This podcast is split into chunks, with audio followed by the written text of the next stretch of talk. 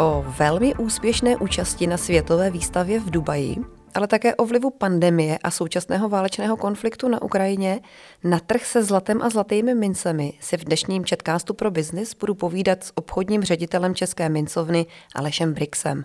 Dobrý den, pane řediteli. Dobrý den. Já se jmenuji Martina Vašíčková a dnešním podcastem vás budu provázet. Česká mincovna se zúčastnila nedávno skončené Všeobecné světové výstavy Expo 2020 v Dubaji. Loni v prosinci jste tam obsadili rotační část expozice. Jak se to vlastně stalo, že jste se dostali do Dubaje? Tak uh, jednak my jsme byli hrozně rádi za tu příležitost, že jsme ji mohli absolvovat, byť to bylo s ročním v podstatě spožděním, protože Expo bylo Expo 20, konané v roce 2021 a Stalo se to asi tak, že Česká mincovna dlouhodobě vlastně vystavovala svoji vlastní produkci toho nejlepšího, co se tady dokázalo vyrobit, připravit, vymyslet České republice právě v oblasti mincovnictví a, a drahých kovů, tak jsme ji vystavovali různě po světě, v Berlíně, na světových výstavách, v Americe, byli jsme i na východě až v Číně se podívat na některé výstavy, no a pak jak si přirozeně ta možnost, když byla, být součástí expozice, která se, právě té rotační části, která se jmenovala České poklady, no tak jsme neváhali ani, ani minutu a snažili jsme se vlastně s organizátory a s generálním komisařem české účasti s Jiřím Potužníkem dohodnout na tom, aby jsme byli a mohli participovat, ukázat to nejlepší, co Česká mincovna vlastně vyrobila, protože se máme a měli jsme se čím pochlubit. Takže ta iniciativa vyšla od vás? My jsme chtěli se zapojit a myslím si, že České expo nebo vlastně generální komisař byl velmi rád tady tomu téhle spolupráci protože eh, to konec konců zapadlo i do toho konceptu, který se tam vlastně Česká republika chtěla prezentovat. Eh, co jste si pro Expo připravili?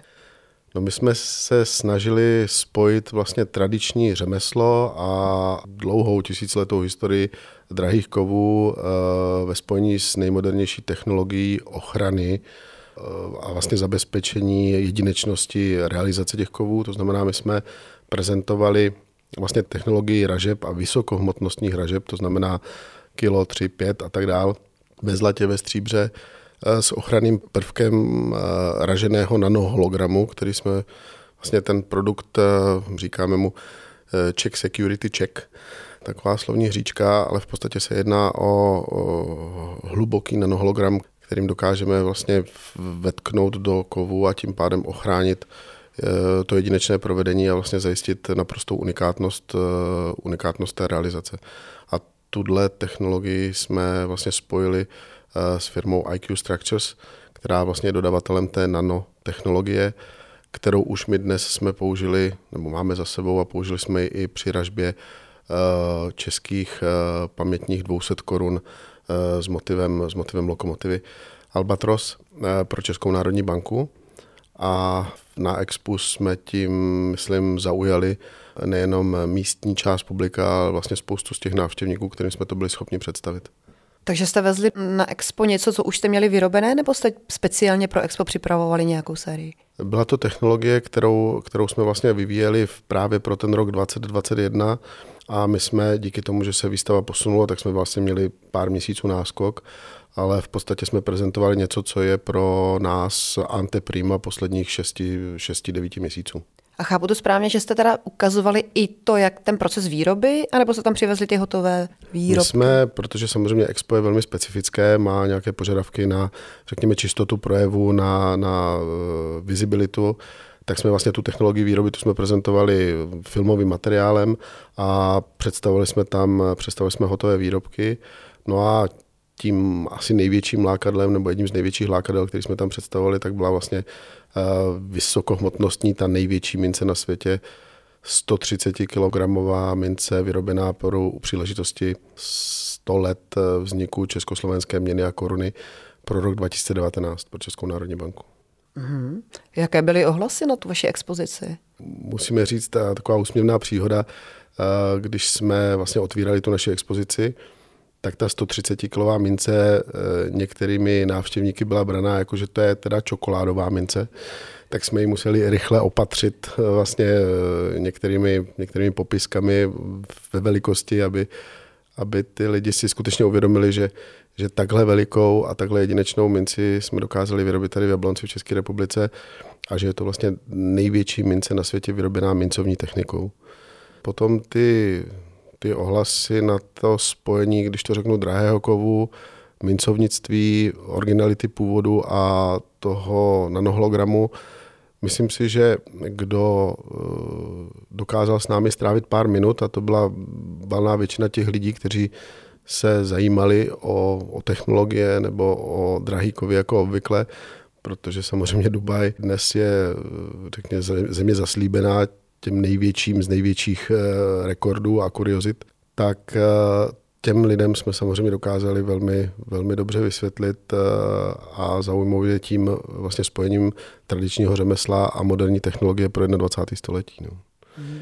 Pokud se nepletu, tady ta nejtěžší mince v Dubaji zůstala i po ukončení té vaší rotační expozice? Ano, protože eh, vlastně díky tomu, že ten exponát byl natolik zajímavý, natolik unikátní, tak jsme se po dohodě eh, s vedením českého pavilonu tak jsme se dohodli, že tam tenhle exponát vlastně může zůstat až do konce eh, výstavy samotné, protože se stal z jedním z lákadel. Ono, jedna věc je ty návštěvníci, kteří tam chodí, vlastně ty individuální lidé, ale my jsme tam dokázali po tu dobu té naší prezence přitáhnout i poměrně eh, zajímavou, zajímavou eh, řekněme, návštěvnickou strukturu z řad odborné veřejnosti, lidí, kteří se zabývají v Dubaji financemi a myslím, že si nás tam docela podala i místní média.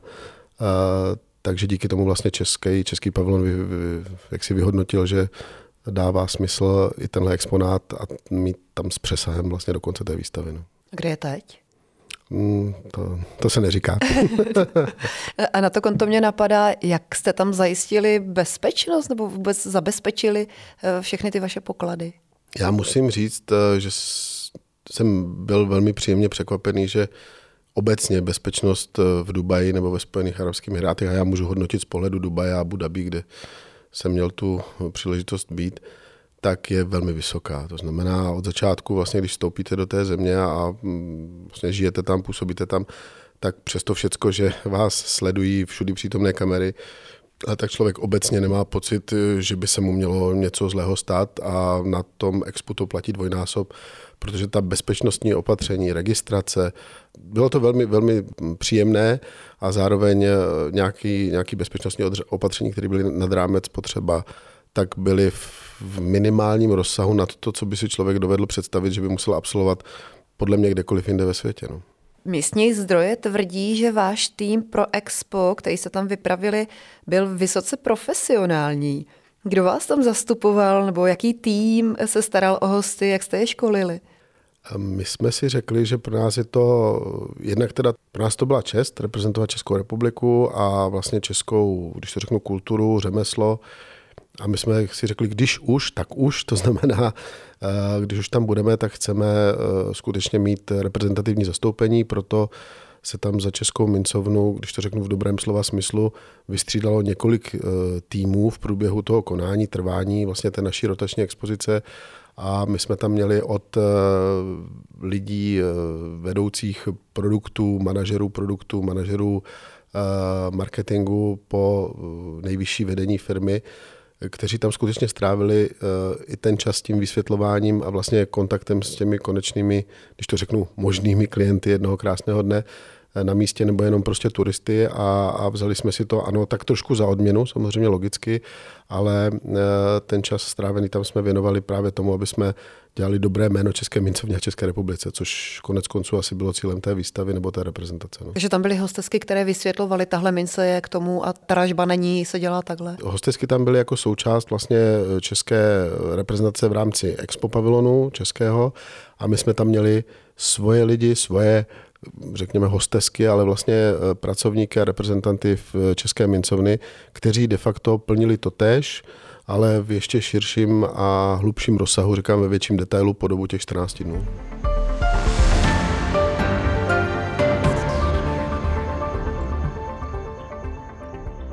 Na sklonku roku se objevila informace, že plánujete otevřít v Dubaji vlastní kancelář. Vy jste mi to teď ještě před natáčením potvrdil. Je to teda pravda? My jsme, eh, tam byl nějaký sousled logických kroků, který Česká mincovna, protože my se snažíme pořád objevovat nové příležitosti, nové směry, když to technologie, tak jsme vyhodnotili eh, vlastně Dubaj jako jedno z možných míst pro další posun v rámci prodeje, marketingu a vůbec jakoby vývozu téhle produkce dál do světa. Ano, takže jsme jako součást průzkumu trhu, kromě jiného, jsme se zúčastnili několika odborných eh, seminářů a konferencí a kongresů na místě v Dubaji. Potom jsme vlastně přijali účast eh, na Expo, vlastně na té rotační expozici. No a v návaznosti na to jsme založili 22.2.2022 v podstatě firmu v Dubaji, s tím, že eh, nás tam budou reprezentovat kolegové, kteří budou zajišťovat možnou kooperaci, spolupráci a vlastně prodej v nějaké z forem, ať už korporátních hražem nebo realizací na míru, po případě prodeje našeho vlastního sortimentu, který máme v nabídce právě v místě, a nebo budeme vycházet vstříc samozřejmě místním požadavkům. To datum mě trošku zaujalo, to bylo vybráno nějak jako úmyslně, je, je takové dost symbolické. Přiznám se, že mě zaujalo taky, ale my jsme se pohybovali někdy kolem toho datumu a upřímně řečeno, my jsme rádi, že to tak dopadlo, aspoň si to budeme dobře pamatovat, ale nebylo to cílem, že bychom to takhle cílili. Eh, v tom arabském regionu hm, asi se teda chcete nějak eh, uchytit. Plánujete teda nějaké zvláštní emise nebo zvláštní řady právě pro tento region, pro tento svět? My jsme si ověřili, že Dubaj nebo to místo je země investicím a krásnu a drahým kovům a drahým kamenům a vůbec, eh, když to řeknu, eh, tomuhle typu sortimentu zaslíbená. Na druhou stranu eh, primárně se tam třeba v oblasti investic zatím profiluje, když to řeknu, mass market a my patříme do nějaké, řekněme, užší skupiny produkce, která je jedinečná, je velmi vysoce ceněná, je kvalitní a v propojení s, tě, s tou moderní technologií třeba ochrany těch mincí je natolik jedinečná, že nám uh, i místní producenti, kteří tam dělají primárně zlato a drahé kovy v té nejjednodušší podobě, to znamená ve slidcích, případně uh, investičních mincích, tak nám potvrdili, že, že bychom tam měli se potkat se zájmem místních anebo těch lidí, kteří tam Eh, fungují z celého světa, protože Dubaj, jak jistě všichni víte, tak eh, v podstatě místních lidí je tam tak do 15% a zbytek všechno tvoří v podstatě lidé z celého světa, Indie, Pakistán, eh, a arabský svět jako takový obecně a samozřejmě tam spousta lidí z celého světa, kteří tam reprezentují nadnárodní koncerny, kteří tam nacházejí v podstatě dnes, řekněme, útočiště, protože Dubaj se stává skutečně jakoby multicentrem pro, pro světový obchod a různý jiný věci. A já, já od toho stejně ještě neuteču. A třeba nějaký konkrétní design? My jsme designovali, nebo eh, vlastně když jsme tam prezentovali, tak jsme prezentovali třeba uložení některých mincí v vlasturách, Máme nějaké nápady, které se týkají vlastně těch místních motivů a námětů. Národní pták eh, Spojených arabských emirátů je sokol, že jo. Ale OK, to jsou taková ta prvoplánovitá témata, nicméně my jsme schopni díky tomu, že dokážeme reagovat na poptávku poměrně rychle a na zadání těch kterých eh, zadavatelů, tak jsme schopni k těm tématům vycházet vstříc a my se budeme řídit tím, abychom jaksi nepřinášeli úplně západní nebo, nebo řekněme evropský svět do Dubaje, ale naopak, aby jsme slyšeli, co, na, na co tam ta klientela místní eh, reaguje dobře a tomu se budeme snažit přizpůsobit. To znamená, máme některé nápady, kterým jsme už i konzultovali, třeba spojení drahého kovu a, a, a drahých kamenů a podobné oblasti, protože si myslíme, že bychom se měli jakoby naučit žít s tou místní komunitou, která tam je bytě hodně babylonská, když to takhle řeknu, to znamená, je to hodně multikulturní společnost, ale, ale my samozřejmě cílíme, když to řeknu, do těch vyšších pater. No. Tak to máme arabskou oblast. Co český trh? Co chystáte pro český trh? No, my chystáme pořád něco. Tento rok žijeme páté výročí, jestli to takhle můžu říct, narození mince Českého lva. Za těch pět let jsme urazili poměrně neskutečnou cestu dneska, když se ohledneme, protože před pěti lety ten brand v podstatě neexistoval.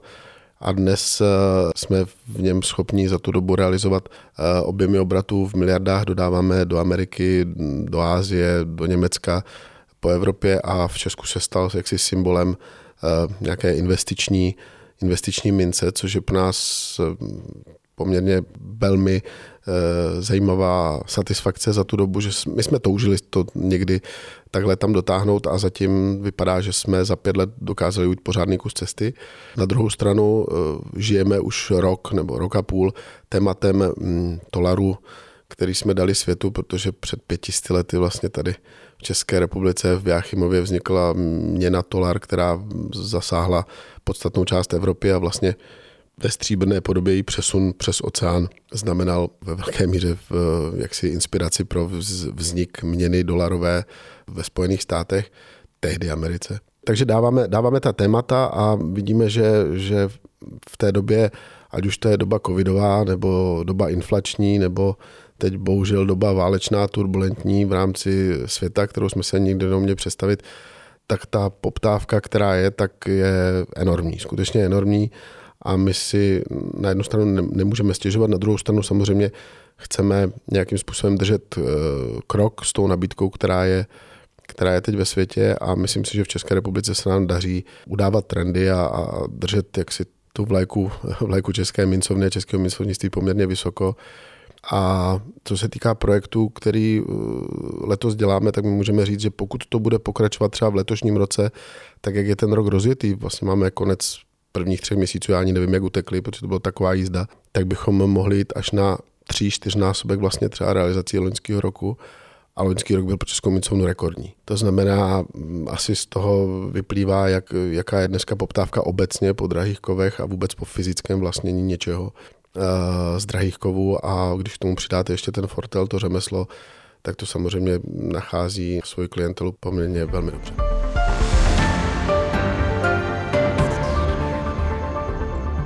Jste mi teď nahrál uh, právě všechny ty současné situace, jako probíhající pandemie, válka na Ukrajině, eh, vysoká inflace, obavy ze znehodnocení úspor. Všechno to vlastně zvyšuje tu poptávku po zlatě. Budeme ho mít dost? No já doufám. Já doufám a na druhou stranu samozřejmě zlato si lidstvo kdysi dávno před těma tisíci lety zvolilo právě proto, že ho nebylo úplně moc. A samozřejmě existují technologie protože teď eh, vlastně doly, když eh, těží ten kov, tak samozřejmě je nějaká hranice cenová v rámci toho řetězce prodeje, kterou oni chtějí dosáhnout a ta se dneska naplňuje, protože z dlouhodobého hlediska dneska cena trojské unce ve zlatě se pohybovala někde kolem 1920-1930 dolarů za trojskou unci já když jsem tuším před rokem říkal, že za 50 let posledních se ta cena ze 40 dolarů za trojskou unci zvedla skoro až ke dvěma tisícům, takže asi vidíte, jaká je hodnota peněz a jaká je hodnota drahého kovu, když se bavím o zlatě a co tu hodnotu drží a co naopak, jako říkám, je potřeba neustále víc papírku. Konec konců dneska tu situaci žijeme i v České republice. Ještě před rokem jsme si neuměli představit, že inflace překročí 3-4% body, protože vlastně cíl třeba České národní banky bylo držet inflaci někde kolem 2% bodů a dnes eh, přiznáváme, že to bude možná 12, 13, 15. A víte sami, jak rostou úrokové sazby, takže logicky ten příklon k lidí k vlastnění něčeho fyzického, to je jedno, jestli je to pozemek, nebo jestli je to nemovitost, nebo v konečném důsledku, jestli to je eh, drahý kov, to znamená jakkoliv proměnit peníze na něco, co tu hodnotu z pohledu těch eh, jednotlivých lidí, klientů, nás všech uchová, tak je samozřejmě asi na místě. A pak je to vždycky na volbě toho, kterého člověka, co pro něj reprezentuje tu správnou hodnotu nebo k čemu má třeba blízko. A, a to nám samozřejmě jaksi v současné době nám to, nám to jde k duhu. Hmm. A na čem teda bude záviset uh, další vývoj ceny zlata do budoucna? Tak my samozřejmě uvidíme, zlato obecně je, je, je nástroj, ke kterému se lidi, lidé uchylují v momentě, kdy je nějaká nejistota, nevím, jak kdo z nás nebo z vás se dneska cítíme úplně jistě v té situaci, která je, jakoby obecně, myslím, v tom nastavení. Na druhou stranu za mě obchod se strachem není správný obchod a, a to nikdo z nás nechce, aby jsme museli někomu argumentovat nějakými hrozbami. Nicméně je pravda, že v podstatě ještě jsme se nezbavili úplně e, epidemií. Žijeme v podstatě v době, kdy inflace roste a samozřejmě všichni si přejeme, aby co nejdřív byl, když to řeknu, klid.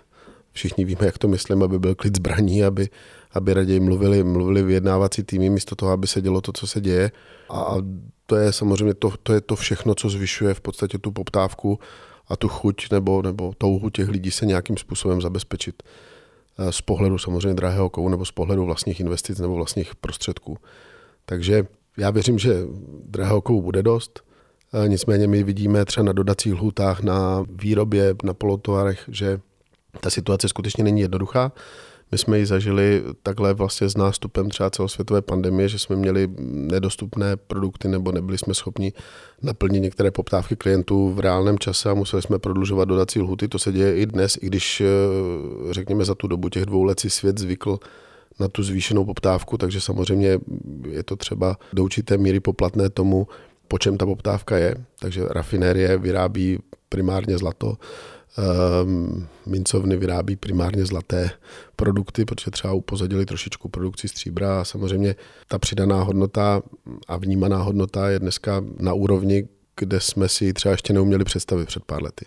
Já si přesto všechno myslím, že bude jedině dobře, když se ta situace v horizontu uklidní a, a ten svět a to, chování se vrátí do nějakých normálních mezí, protože to bude znamenat, že, že se zase věci dávají do pořádku a obecně asi chceme žít ve světě, který je v pohodě. A přece na mě ještě napadá v souvislosti s válkou eh, na Ukrajině a sankcemi vůči Rusku.